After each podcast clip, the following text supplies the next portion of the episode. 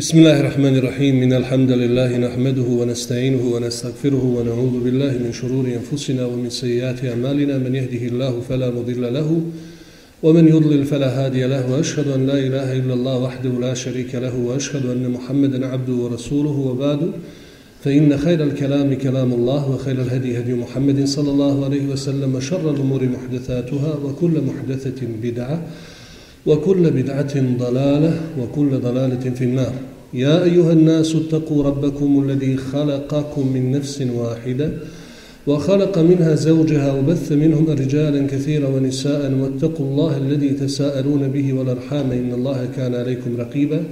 يا أيها الذين آمنوا اتقوا الله حق تقاته ولا تموتن إلا وأنتم مسلمون. يا أيها الذين آمنوا اتقوا الله وقولوا قولا سديدا.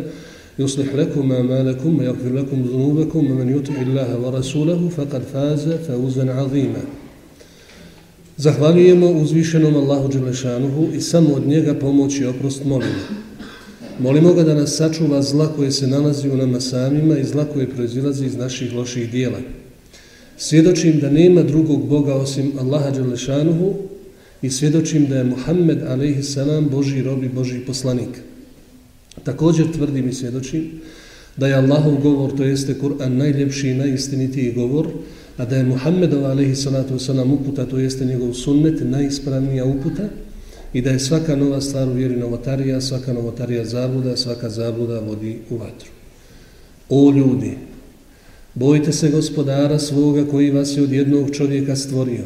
Od njega je njegovu suprugu stvorio, a od njih dvoje mnoge muškarce i žene na ovome svijetu stvorio i zato bojite se gospodara svoga onoga s čim imenom jedni druge zaklinjete i rodbinske veze neki dajte, zaista Allah dobro vidi sve što radite.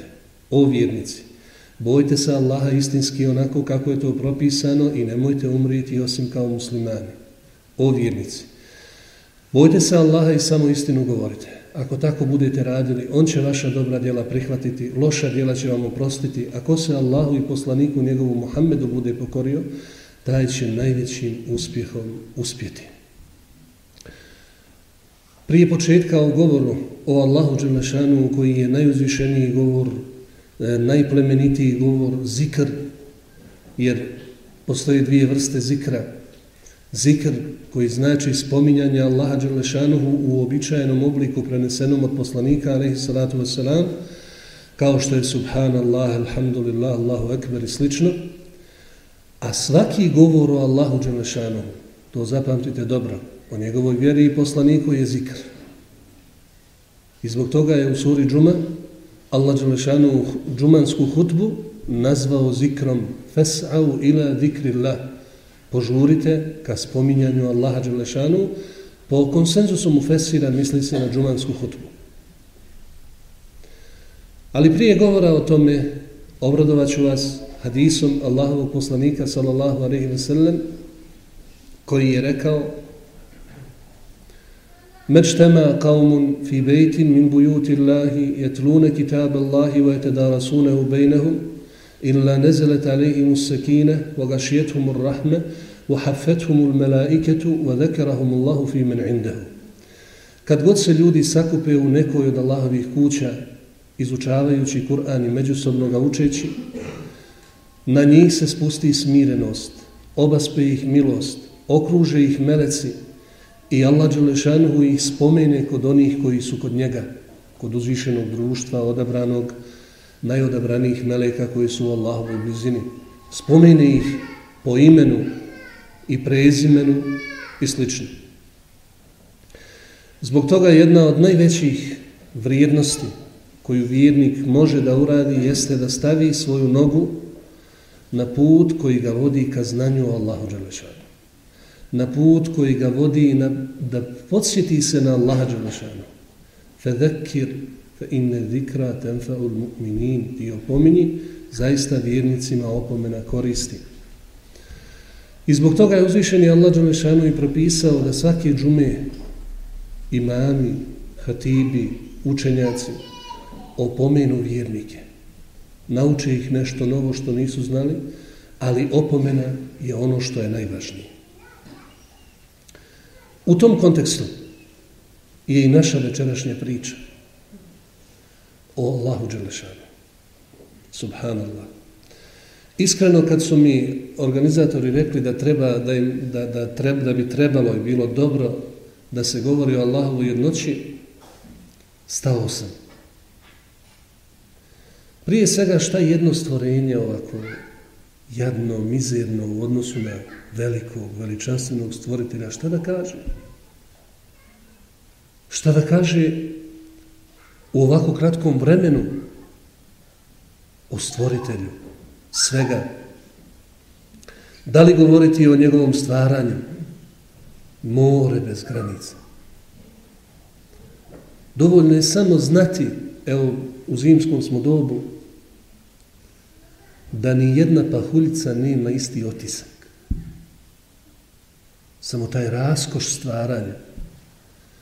Ako govorimo o njegovom upravljanju kosmosom, da li je to sunce nekad zakasnilo? Izaći, zaći. Da li se to mjesec nekad nije pojavio, razbolio, nije mogao, istrošio se, umorio se? Ako govorimo o njegovom posjedovanju i o tome možemo pričati onome koji posjeduje u apsolutnom stanju svaki atom ovog kosmosa, svaki atom našeg tijela, svaki otkucaj našeg srca u stvari je Allahov dar za nas. Mi ga ne možemo uraditi. I kad spavamo, Allah Đelešanu se brine o nama. Da li da čovjek govori o Allahovim imenima, koja su najsavršenija, sa najuzvišenijim značenjima, more, a ima imena Allahovih koje mi nismo u stanju pojmiti i zato je Boži poslanik, alaih salatu wasalam, u domama govorio aviste therte, fi ilmi, aviste therte bihi fi ilmi l'gajbi indek ili si ostavio znanje o tom imenu kod sebe u svome znanju o gajbu. Kaže ulema, na osnovu te dove da Allah Đalešanu ima imena koja naš razum ne može pojmiti. Objavio nam je samo imena koja možemo dokučiti svojim nekim čulima ograničeno. Subhanehu wa ta'ala. Ili da govorimo o Allahovim sifatima, osobinama koja su najsavršenija u svakom smislu ili u svakom pogledu. Ili ono najvažnije. Da govorimo o Allahovom pravu kod njegovih stvorenja. A to je ibadet. I tu je bilo, to je bio mejdan Božijih poslanika sa njihovim narodima. Ibadet. Nije bio problem ubijediti da je Allah stvoritelj, da Allah postoji, da Allah stvara, održava. U to je većina ljudi vjerovala i vjeruje dan danas po svojoj prirodi. Problem je bio što su Allahova prava davali drugima koji to ne zaslužuju, koji su ispod njega stvorenjima na ovaj ili na onaj način. I zbog toga prije kuranskih primjera na ovu temu reći ću vam nešto, a to probajte zapamtiti, slobodno zapišite. Nama je Kur'an objavljen i ima 6666 po poznatom brojanju ajeta ovdje kod nas. Kažu učenjaci hadisa da poslanikovih izreka, vjerodostojnih prenesenih do nas, ima oko 10.000. Od prilike neke zbirke koje su probale da sažmu sunnet Božijeg poslanika nabrojale su negdje nešto preko 13.000. A ono kad se kaže zna milion hadisa, zna 100.000 hadisa, misli se da je svaki tekst i lanac prenosilaca jedan hadis bez obzira što je tekst isti. Jedan te isti tekst, ako ima 10 lanaca prenosilaca, to je 10 hadisa kod učenjaka hadisa ali tekstova od Božih poslanika. I naši učenjaci su izučavali ajete koji su nam dati. Izučavali su hadise koji su došli. I došli su do zaključka sljedećeg. Da postoje četiri Allahova prava kod njegovih stvorenja koje neće oprostiti ako čovjek zgriješi po tom pitanju, a ne pokaje se prije smrti. Znači, na osnovu cijelokupnog Kur'ana i na osnovu cijelokupnog hadisa Allahovog poslanika sallallahu alaihi wa sallam, dolazimo do zaključka da Allah Đelešanu ima četiri prava prema svojim stvorenjima za koje je rekao u Kur'anu na više mjesta da neće oprostiti ko se ogriješi od ta prava, a ne pokaje se prije smrti. Pa da krenemo redom. Prvo Allahovo pravo je da vjerujemo u jednoću njegovog bića. Da je Allah jedan, jedinstven, niti je utjelovljen u bilo što, niti se miješa sa bilo čim. Odvojen od svojih stvorenja, a svojim sluhom i svojim vidom, svojim znanjem je svuda sa svojim stvorenjima. Ne mogu izmaći njegovom vidu, njegovom sluhu i njegovoj svemoći. Ali on je jedan. I ne postoji dva božanstva, tri božanstva, četiri. Sve preko jednog naziva se širk, što znači mnogoboštvo. To je Allahovo pravo kod njegovih stvorenja da to znaju i da to vjeruju i to im je farz i znati i vjerovati. Drugo Allahovo pravo je da ljudi vjeruju u njegovo apsolutno gospodarstvo nad cjelokupnim svijetom i svime što je stvoreno. A to podrazumijeva da je Allah stvorio sve, da posjeduje sve i da upravlja svim. Ljudi su se danas ogriješili u to Allahovo pravo. A objasnit ću vam kako. Prvo, kažu priroda je stvorila. Priroda stvara. Majka priroda. Šta to znači? To je u stvari, objasnit ću vam što znači, to je nasljeđe stare paganske teorije, starog paganskog vjerovanja da je materija vječna i da samo mijenja oblik da Bog ne postoji uopšte. Nego materija mijenja kroz vrijeme oblik i slično. Ništa ni manje ni više. Nije to nova teorija koju su ljudi donijeli, nego stara paganska još od vremena Ibrahima a.s. I prije njega. Ogriješili su se također ljudi o to Allahovo pravo danas, vjerujući putem horoskopa, putem vidovnjaka, putem raznih gatara, da nebeska tijela, određene zvijezde upravljaju čovjekovim životom. I ako su u određenom položaju, bit ćemo ovako, ako su u drugačijem položaju, bit ćemo onako. Allahovo je pravo da vjerujemo i da je to i da znamo da je to tako da jedino on upravlja čovjekovim životom i cijelim kosmosom. Mi kažemo la havla wa la illa billah, što znači niko ne može promijeniti stanje, niti ima snagu da promijeni stanje i da ukloni stanje osim Allaha. I u suštinu našeg vjerovanja spada da ni jedan atom ne pomjeri se u ovom kosmosu bez Allahove dozvole.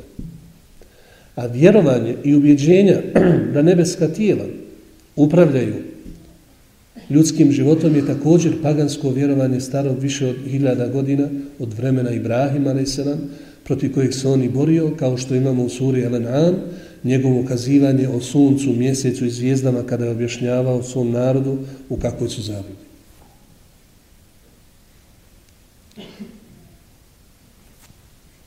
Treće Allahovo pravo su Allahova imena i njegove osobine sve osobine savršenstva, svojstva savršenstva pripadaju isključivo Allahu Đelešanu. I u najveće grijehe spada da čovjek božansku osobinu pripiše nekom stvorenju. Svejedno da li se radilo o bliskom meleku ili se radilo o bliskom vjerovjesniku. I zbog toga u temelje našeg vjerovanja u islamske šarte spada da mi kažemo nema Boga osim Allaha i Muhammed je Allahov poslanik. I Boži, odnosno Allahov rob. I poslanik, ali je rob, nema nikakvu božansku osobinu. I poslušajte me sad dobro. Bilo kakvo ubjeđenje da neko od Allahovih stvorenja svejedno bio dobar ili loš, makakav e, bio vjernik, evlija kako ga zovu, ne može imati i nema božanske osobine. I prema tome ne smiju se apsolutno prema njemu postavljati ljudi kao da je božanstvo ni u kom smislu. Jer to je isključivo Allahovo pravo. Da njegove osobine savršenstva pripadaju samo njemu. I nabrajanje tih osobina je lijek za ljude. Znate da u stvari šta je rukja? A rukja je u stvari melodično učenje Allahovih imena i osobina. Ništa više. A etul kursi, koji je najbolji u ruki, su Allahove osobine u prevodu.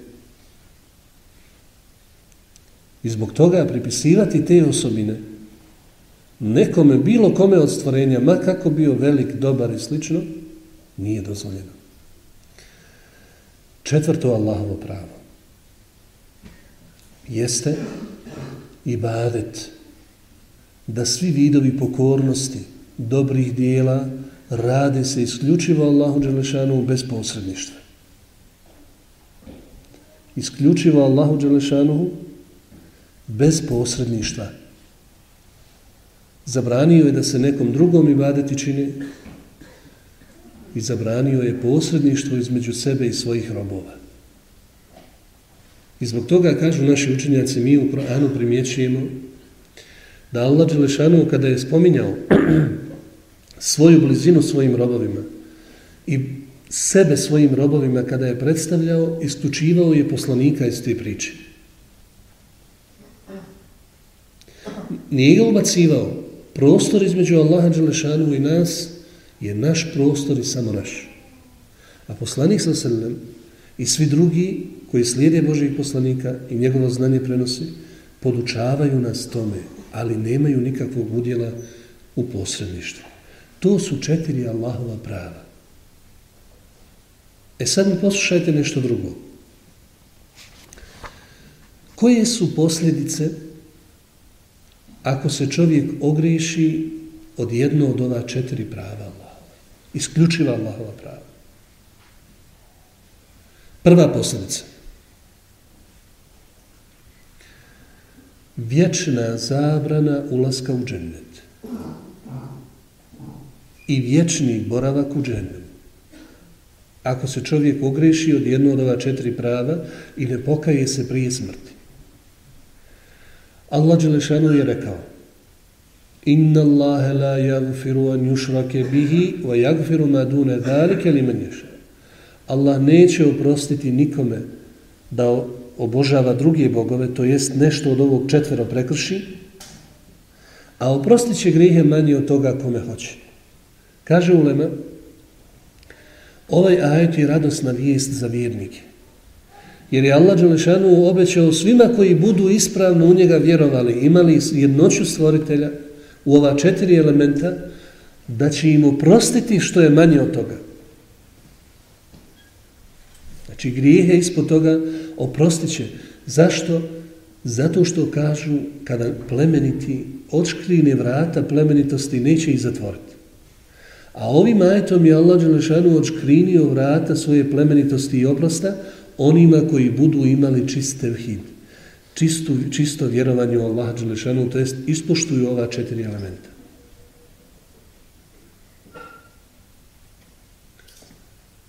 U drugom ajetu Allah Đelešanu kaže vama yushrik بِاللَّهِ faqad harrama Allahu عَلَيْهِ l-đanna, vama Allahu. Onaj ko umre sa širkom, odnosno obožavanjem drugih bogova, ogreši se od ova četiri elementa,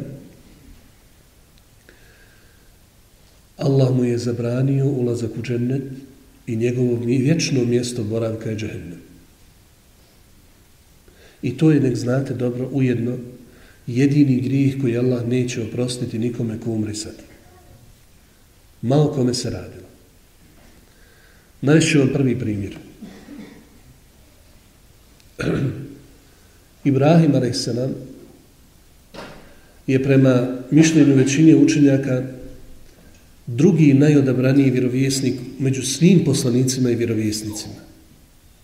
Odmah nakon našeg poslanika Muhammeda, alaih salatu wasalam. Došao je svome ocu Azaru, koji je bio velikan u svome narodu u obožavanju i pravljenju kipova. I kaže mu, oče, zašto to radiš, zašto to činiš? A on njemu kaže, idi od mene. Istira ga iz kuće. Vahđurni melija. I ne dolazi mi više nikako. I Ibrahim ode i kaže mu se, stakfiru lake rabbi, ja ću svoga gospodara moliti da ti oprosti. I otišao je Ibrahim. Bileži ima muslim u svome sahihu da će na sudnjem danu Ibrahim, ali se nam sresti svoga oca koji će biti prekriven tamom preko lica. I to je interesantno u mnogim vjerskim tekstovima. Govori se da će ti koji budu imali taj grih, to jest širk, biti tamom prekriveni crnilo na licima. Srešće svoga oca. I otac će mu reći, ja, Ibrahime, ja vjerujem u tvoga Boga. Možeš li mi pomoći danas? A Ibrahim, a.s. će se tada okrenuti i zamoliti i reći gospodaru, obećao si da me nećeš poniziti na sudnjem danu, a ima li poniženja većeg od oca nevjernika u takvom stanju? Pa će mu se reći Ibrahime pogleda ispod svojih nogu. I onda će vidjeti da je njegov otac izobličen.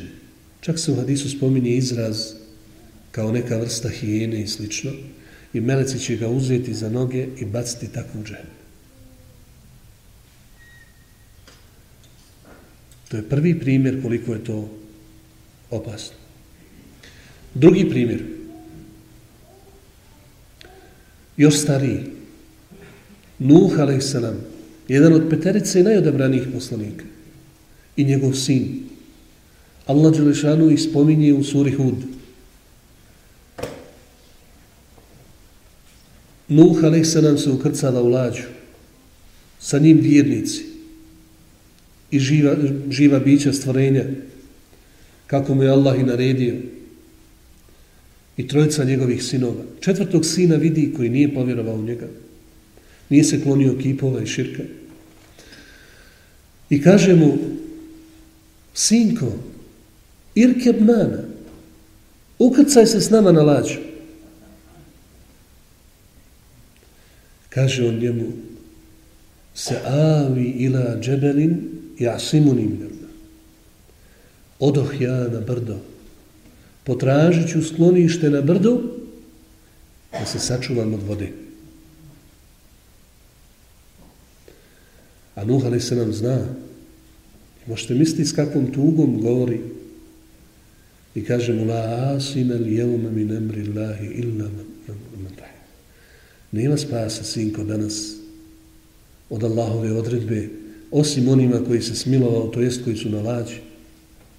On njemu nudi, povjeruj, reci la ilah ilala i uđi. A on kaže, ja gotovo na brdo. U hale bejnehum el meuđ, I između njih se ispriječi val. A kane minel mugraqin. I njegov sin bi potopljen.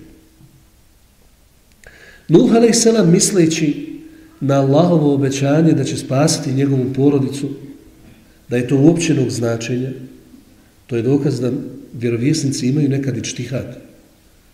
I to postoji. Obraća se Allahu Đelešanu i kaže inne vadeke l'haq Tvoje obećanje je istina. Ne ibnim min ahli i moj sin je od moje porodice. I dolazimo odgovor od Allaha Đelešana.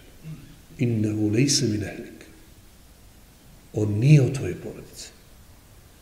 Innehu amile gajra salih u jednom kirajetu. On je radio loša djela, a u drugom kirajetu innehu amelun gajru salih. To nije dobro djelo, to je tvoja dova da me moliš za njega nije dobro djelo nemaš pravo na to. Jer se ogrešio od ova četiri prava. Treći primjer ću vam navesti. Iz života našeg poslanika Muhammeda sallallahu alaihi wa sallam.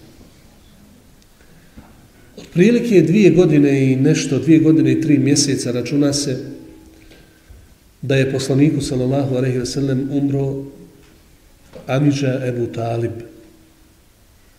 koji ga je odgojio, koji ga je odhranio, koji ga je branio tokom cijelog njegovog poslanstva, ali nikada nije prihvatio islam.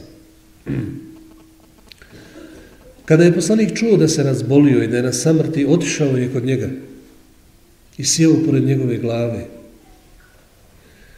A pored su već bili tu Ebu Džehel, bili su mušici, vođe mušrika i tako dalje. I kaže on Amidži, Amidža, reci la ilaha illallah. Reci tu to svjedočenje da se mogu zauzeti za tebe kod Allaha Đelešanu.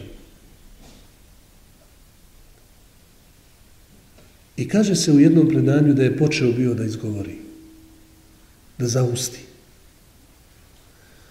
Ali su mu onda oni njegovi sunarodnici koji su bili mušici rekli, pa zad ćeš ostaviti vjeru svojih predaka. I on se je prišutio i tako je i umro. Kaže poslanik sallallahu alaihi wa sallam nakon njegove smrti, tako mi Allaha, molit ću Allaha da ti oprosti sve dok mi to ne zabrani. I spominje se u nekim predanjima da je od tog vremena, dvije godine prije hijdži, do osme godine po hijđi do objavljivanja sure Teube, molio Allah za oprost i onda mu je Allah objavio da je to zabranjeno i da nema od toga ništa. Toliko se trudio, toliko je želio, nije mu mogao pomoći. To je prva posljedica. Druga posljedica. Ako se čovjek ogriješi od jedno od ova četiri Allahova prava, koja su isključivo njegova prava, Allah mu neće primiti i prihvatiti ni jedno dobro djelo na ahiretu.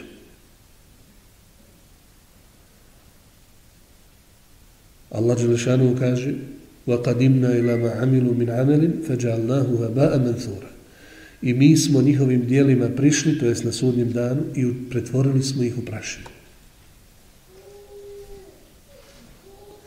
Ovaj ajet je dokaz da nevjernici nekada mušici koji imaju širka, imaju dobra djela, ali neće biti prihvaćene. Poništene. Allah Đelešanu kaže u jednom ajetu za koju Ulema kaže da je među najstrašnijim u Koranu وَلَقَدْ أُوحِيَ إِلَيْكَ وَإِلَى الَّذِينَ مِنْ قَبْلِكَ A objavljeno je Muhammede tebi i vjerovjesnicima prije tebe.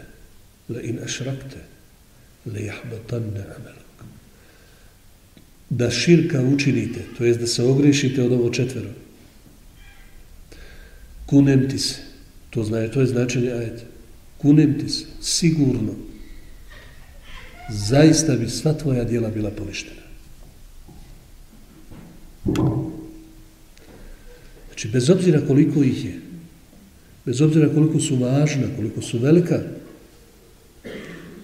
neće Allah Đelešanu primiti ništa dok čovjek ne vjeruje ispravno u njega i potpuno.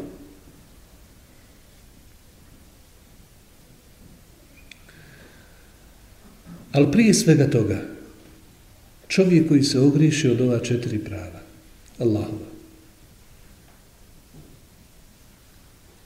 Kur'an jasno naglašava da takav neće, ne može imati lijep život na ovom svijetu. Ne može imati lijep život na ovom svijetu i imat će težak život na budućem svijetu. Vratimo se na kuranske primjere u vezi sa ovim. Prvo, jedan interesantan ajet koji govori o Allahovom pravu na njegovu jednoću i obožavanju. Kaže uzvišenje Allah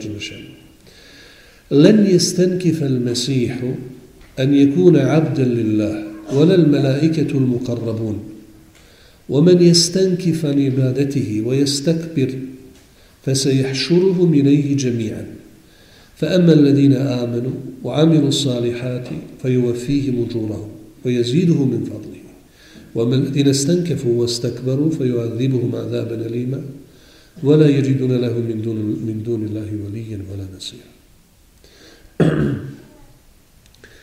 neće Mesihu, misli se na Isa, pardon, misli se na Isa, Isa, neće Mesihu biti mrsko da bude Allahov rob. Niti je to mrsko bliskim Allahu melecima. Onome ko ne želi da robuje Allahu i koji se oholi neka zna da ćemo ih mi sve kod sebe sakupiti. To jest na sudnjem danu, sabrati ih po grupama, pa oni koji budu vjerovali, imali ova četiri elementa koja smo spomenuli, i budu radili dobra djela, u potpunosti će dobiti nagrade svoje. I još će im od Allaha biti dato više. Kažu komentatori Korana, na svim mjestima u Koranu gdje se spominje da će Allah u potpunosti dati nagradu i dati još više, to znači viđenje Allaha Đelešanu. U džennetu. Znači, bit će im data nagrada i mimo nagrade imaće čast, užitak da vide Allahovo lice. A oni koji budu oholili se i ne budu htjeli Allaha obožavati, neka znaju da će ih bolnom kaznom kazniti, neće im mimo Allaha nikom moći pomoći i neće zaštitnika nikakvog imati.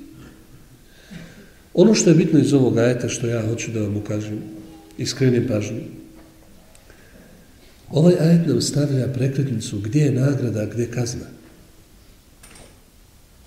To je terhid. Allahova jednoća. I zato vodite računa o tome. I uvijek se prisjećajte Allahovog prava. Podsjećajte se. Učite o Allahu Đelešanu, saznajte, jer to je put ka nagradi, a izbjegavanje kasnije. Drugi primjer. قال الله هذا يوم ينفع الصادقين صدقهم لهم جنات تجري من تحتها الانهار خالدين فيها أبدا رضي الله عنهم ورضوا عنه ذلك الفوز العظيم Allah će reći, to jest na sudnjem danu, najnoviji ajti su u kontekstu sure Majde, opet o Isalu a.s. Jer je Isa a.s. jedan od vjerovjesnika koji milioni ljudi obožavaju danas na zemlji. Pa Allah Đelešanu govori o tome. I pitaće Isa a.s. da li si ti rekao ljudima da te obožavaju? On će reći neka se i veličanstven gospodaru moj. Dok sam bio među njima, ja sam bio svjedok kad si me uzeo, to jest usmrtio, ti si ostao svjedok njima. Ja sam im rekao samo ono što si ti govorio. Ako ih kazniš, Isa ne se nam će reći. Oni su tvoji robovi. A ako im oprostiš, pa ti si silno milostiv. I vidi kako Isa alaih selam, i pored toga traži milost kod Allaha Đelešanu za to. I onda će Allah Đelešanu kao svoju presudu reći. Kala Allah. Hada je ovo je dan kada će iskrenima njihov, njihova iskrenost koristiti. Kažu komentatori Kur'ana, pod iskrenošću ovde misli se na tevhid.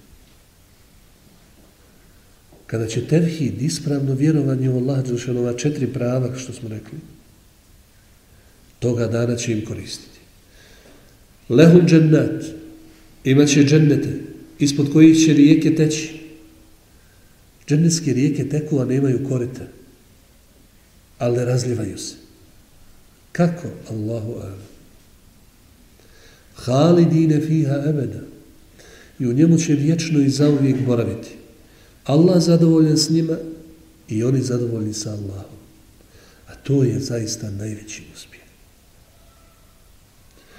Ovaj ajet nas uči da je naš najveći uspjeh i naš cilj postojanja i naš džennet zavisi od toga da ispoštujemo ova četiri Allahova prava. Još jedan kuranski primjer. فَلَنَسْأَلَنَّ الَّذِينَ أُرْسِلَ إِلَيْهِمْ وَلَنَسْأَلَنَّ الْمُرْسِلِينَ U suri Al-Araf. Kratak ajet, mnogo sadržaja. Čak su i hadisi došli da ga protumače. Mi ćemo sigurno pitati narode kojima smo poslali u vidu prijetnje, upozorenja, a sigurno ćemo pitati i poslanike. Kaže poslanik sallallahu alaihi wa sallam. Na sudnjem danu doći će narodi sa svojim poslanicima. Po jednom predanju od našeg poslanika na zemlji je postojalo 70 naroda.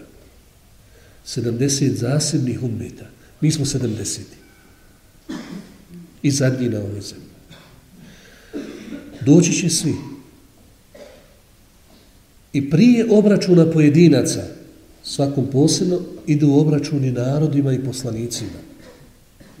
Svaki poslanik i njegov narod u grupama, podijeljeni i izdvojeni. Pa će Allah Đelešanu, kaže poslanik sa nam pitati, Nuhov narod, da li vam je Nuh dostavio poslanicu moju? Pa će reći, nije gospodaru, tako nam tvoje veličine, nije nam dostavio ništa. A hiljadu godina čovjek ostao i podnosio što ne možemo mi ni zamisliti. Poreći će. Pa će Allah Đelešanu upitati Nuha, alaihi salatu wasalam, jesi li dostavio poslanicu moju? Pa će reći, jesam gospodar, ko ti je svjedok? A on će reći, Muhammed i njegov umet. Pa će Allah Đelešanu pozvati našeg poslanika i nas, kao ummet.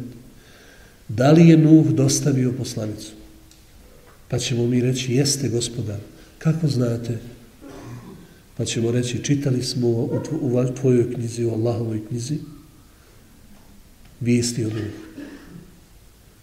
I kaže poslanik sa srlem, to je značenje ajeta wa kadalike džalnakum ummeten wasatan li tekunu šuhada nas. I tako smo vas mi učinili umjerenom zajednicom, najboljom zajednicom, da budete svjedoci drugim narodima. I od počasti prema ovom umetu je da drugi narodi neće svjedočiti nama nego naš poslanik sam. A mi smo svjedoci svim drugim narodima. I završit ćemo sa zadnjim ajetom gdje Allah Đelešanu kaže يَوْمَ لَا يَنْفَوْ مَالٌ وَلَا بَنُونَ illa men ete Allahe bi kalbin selim. To je dan, to je sudnji dan, kada neće koristiti ni metak, ni djeca, ni sinovi. Osim da čovjek pred Allaha dođe čistog srca, zdravog srca. Kažu komentatori Kur'ana po konsenzusu, čistog srca znači ispunjenog tevhidom. Srca koje je ispoštovalo ova četiri Allahova prava.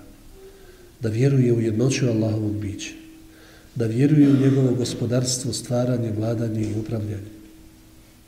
Da vjeruje da ibadete samo Allahu Đelešanu i da tako radi. I da vjeruje u Allahova imena i svojstva kako je on to htio i njegov poslanik sallallahu alaihi sallam prenio. Molim Allah Đelešanu da nam se smiluje, da nam ne uskrati svoje blagodati, sjećanja na njega, govora o njemu, spominjanja njega i da nas učini od onih s kojima će biti zadovoljen i s kojim smo mi zadovoljni. Wallahu alam. Akulu kao li hada u stakfirullah. Ja vam se na kraju u svoje lično ime i u ime organizatora Zahvaljujem na vašem dolasku i na vašem strpljenju i molim Allah Đelešanu da nagradi i nas i vas. Assalamu alaikum wa rahmatullahi wa barakatuh.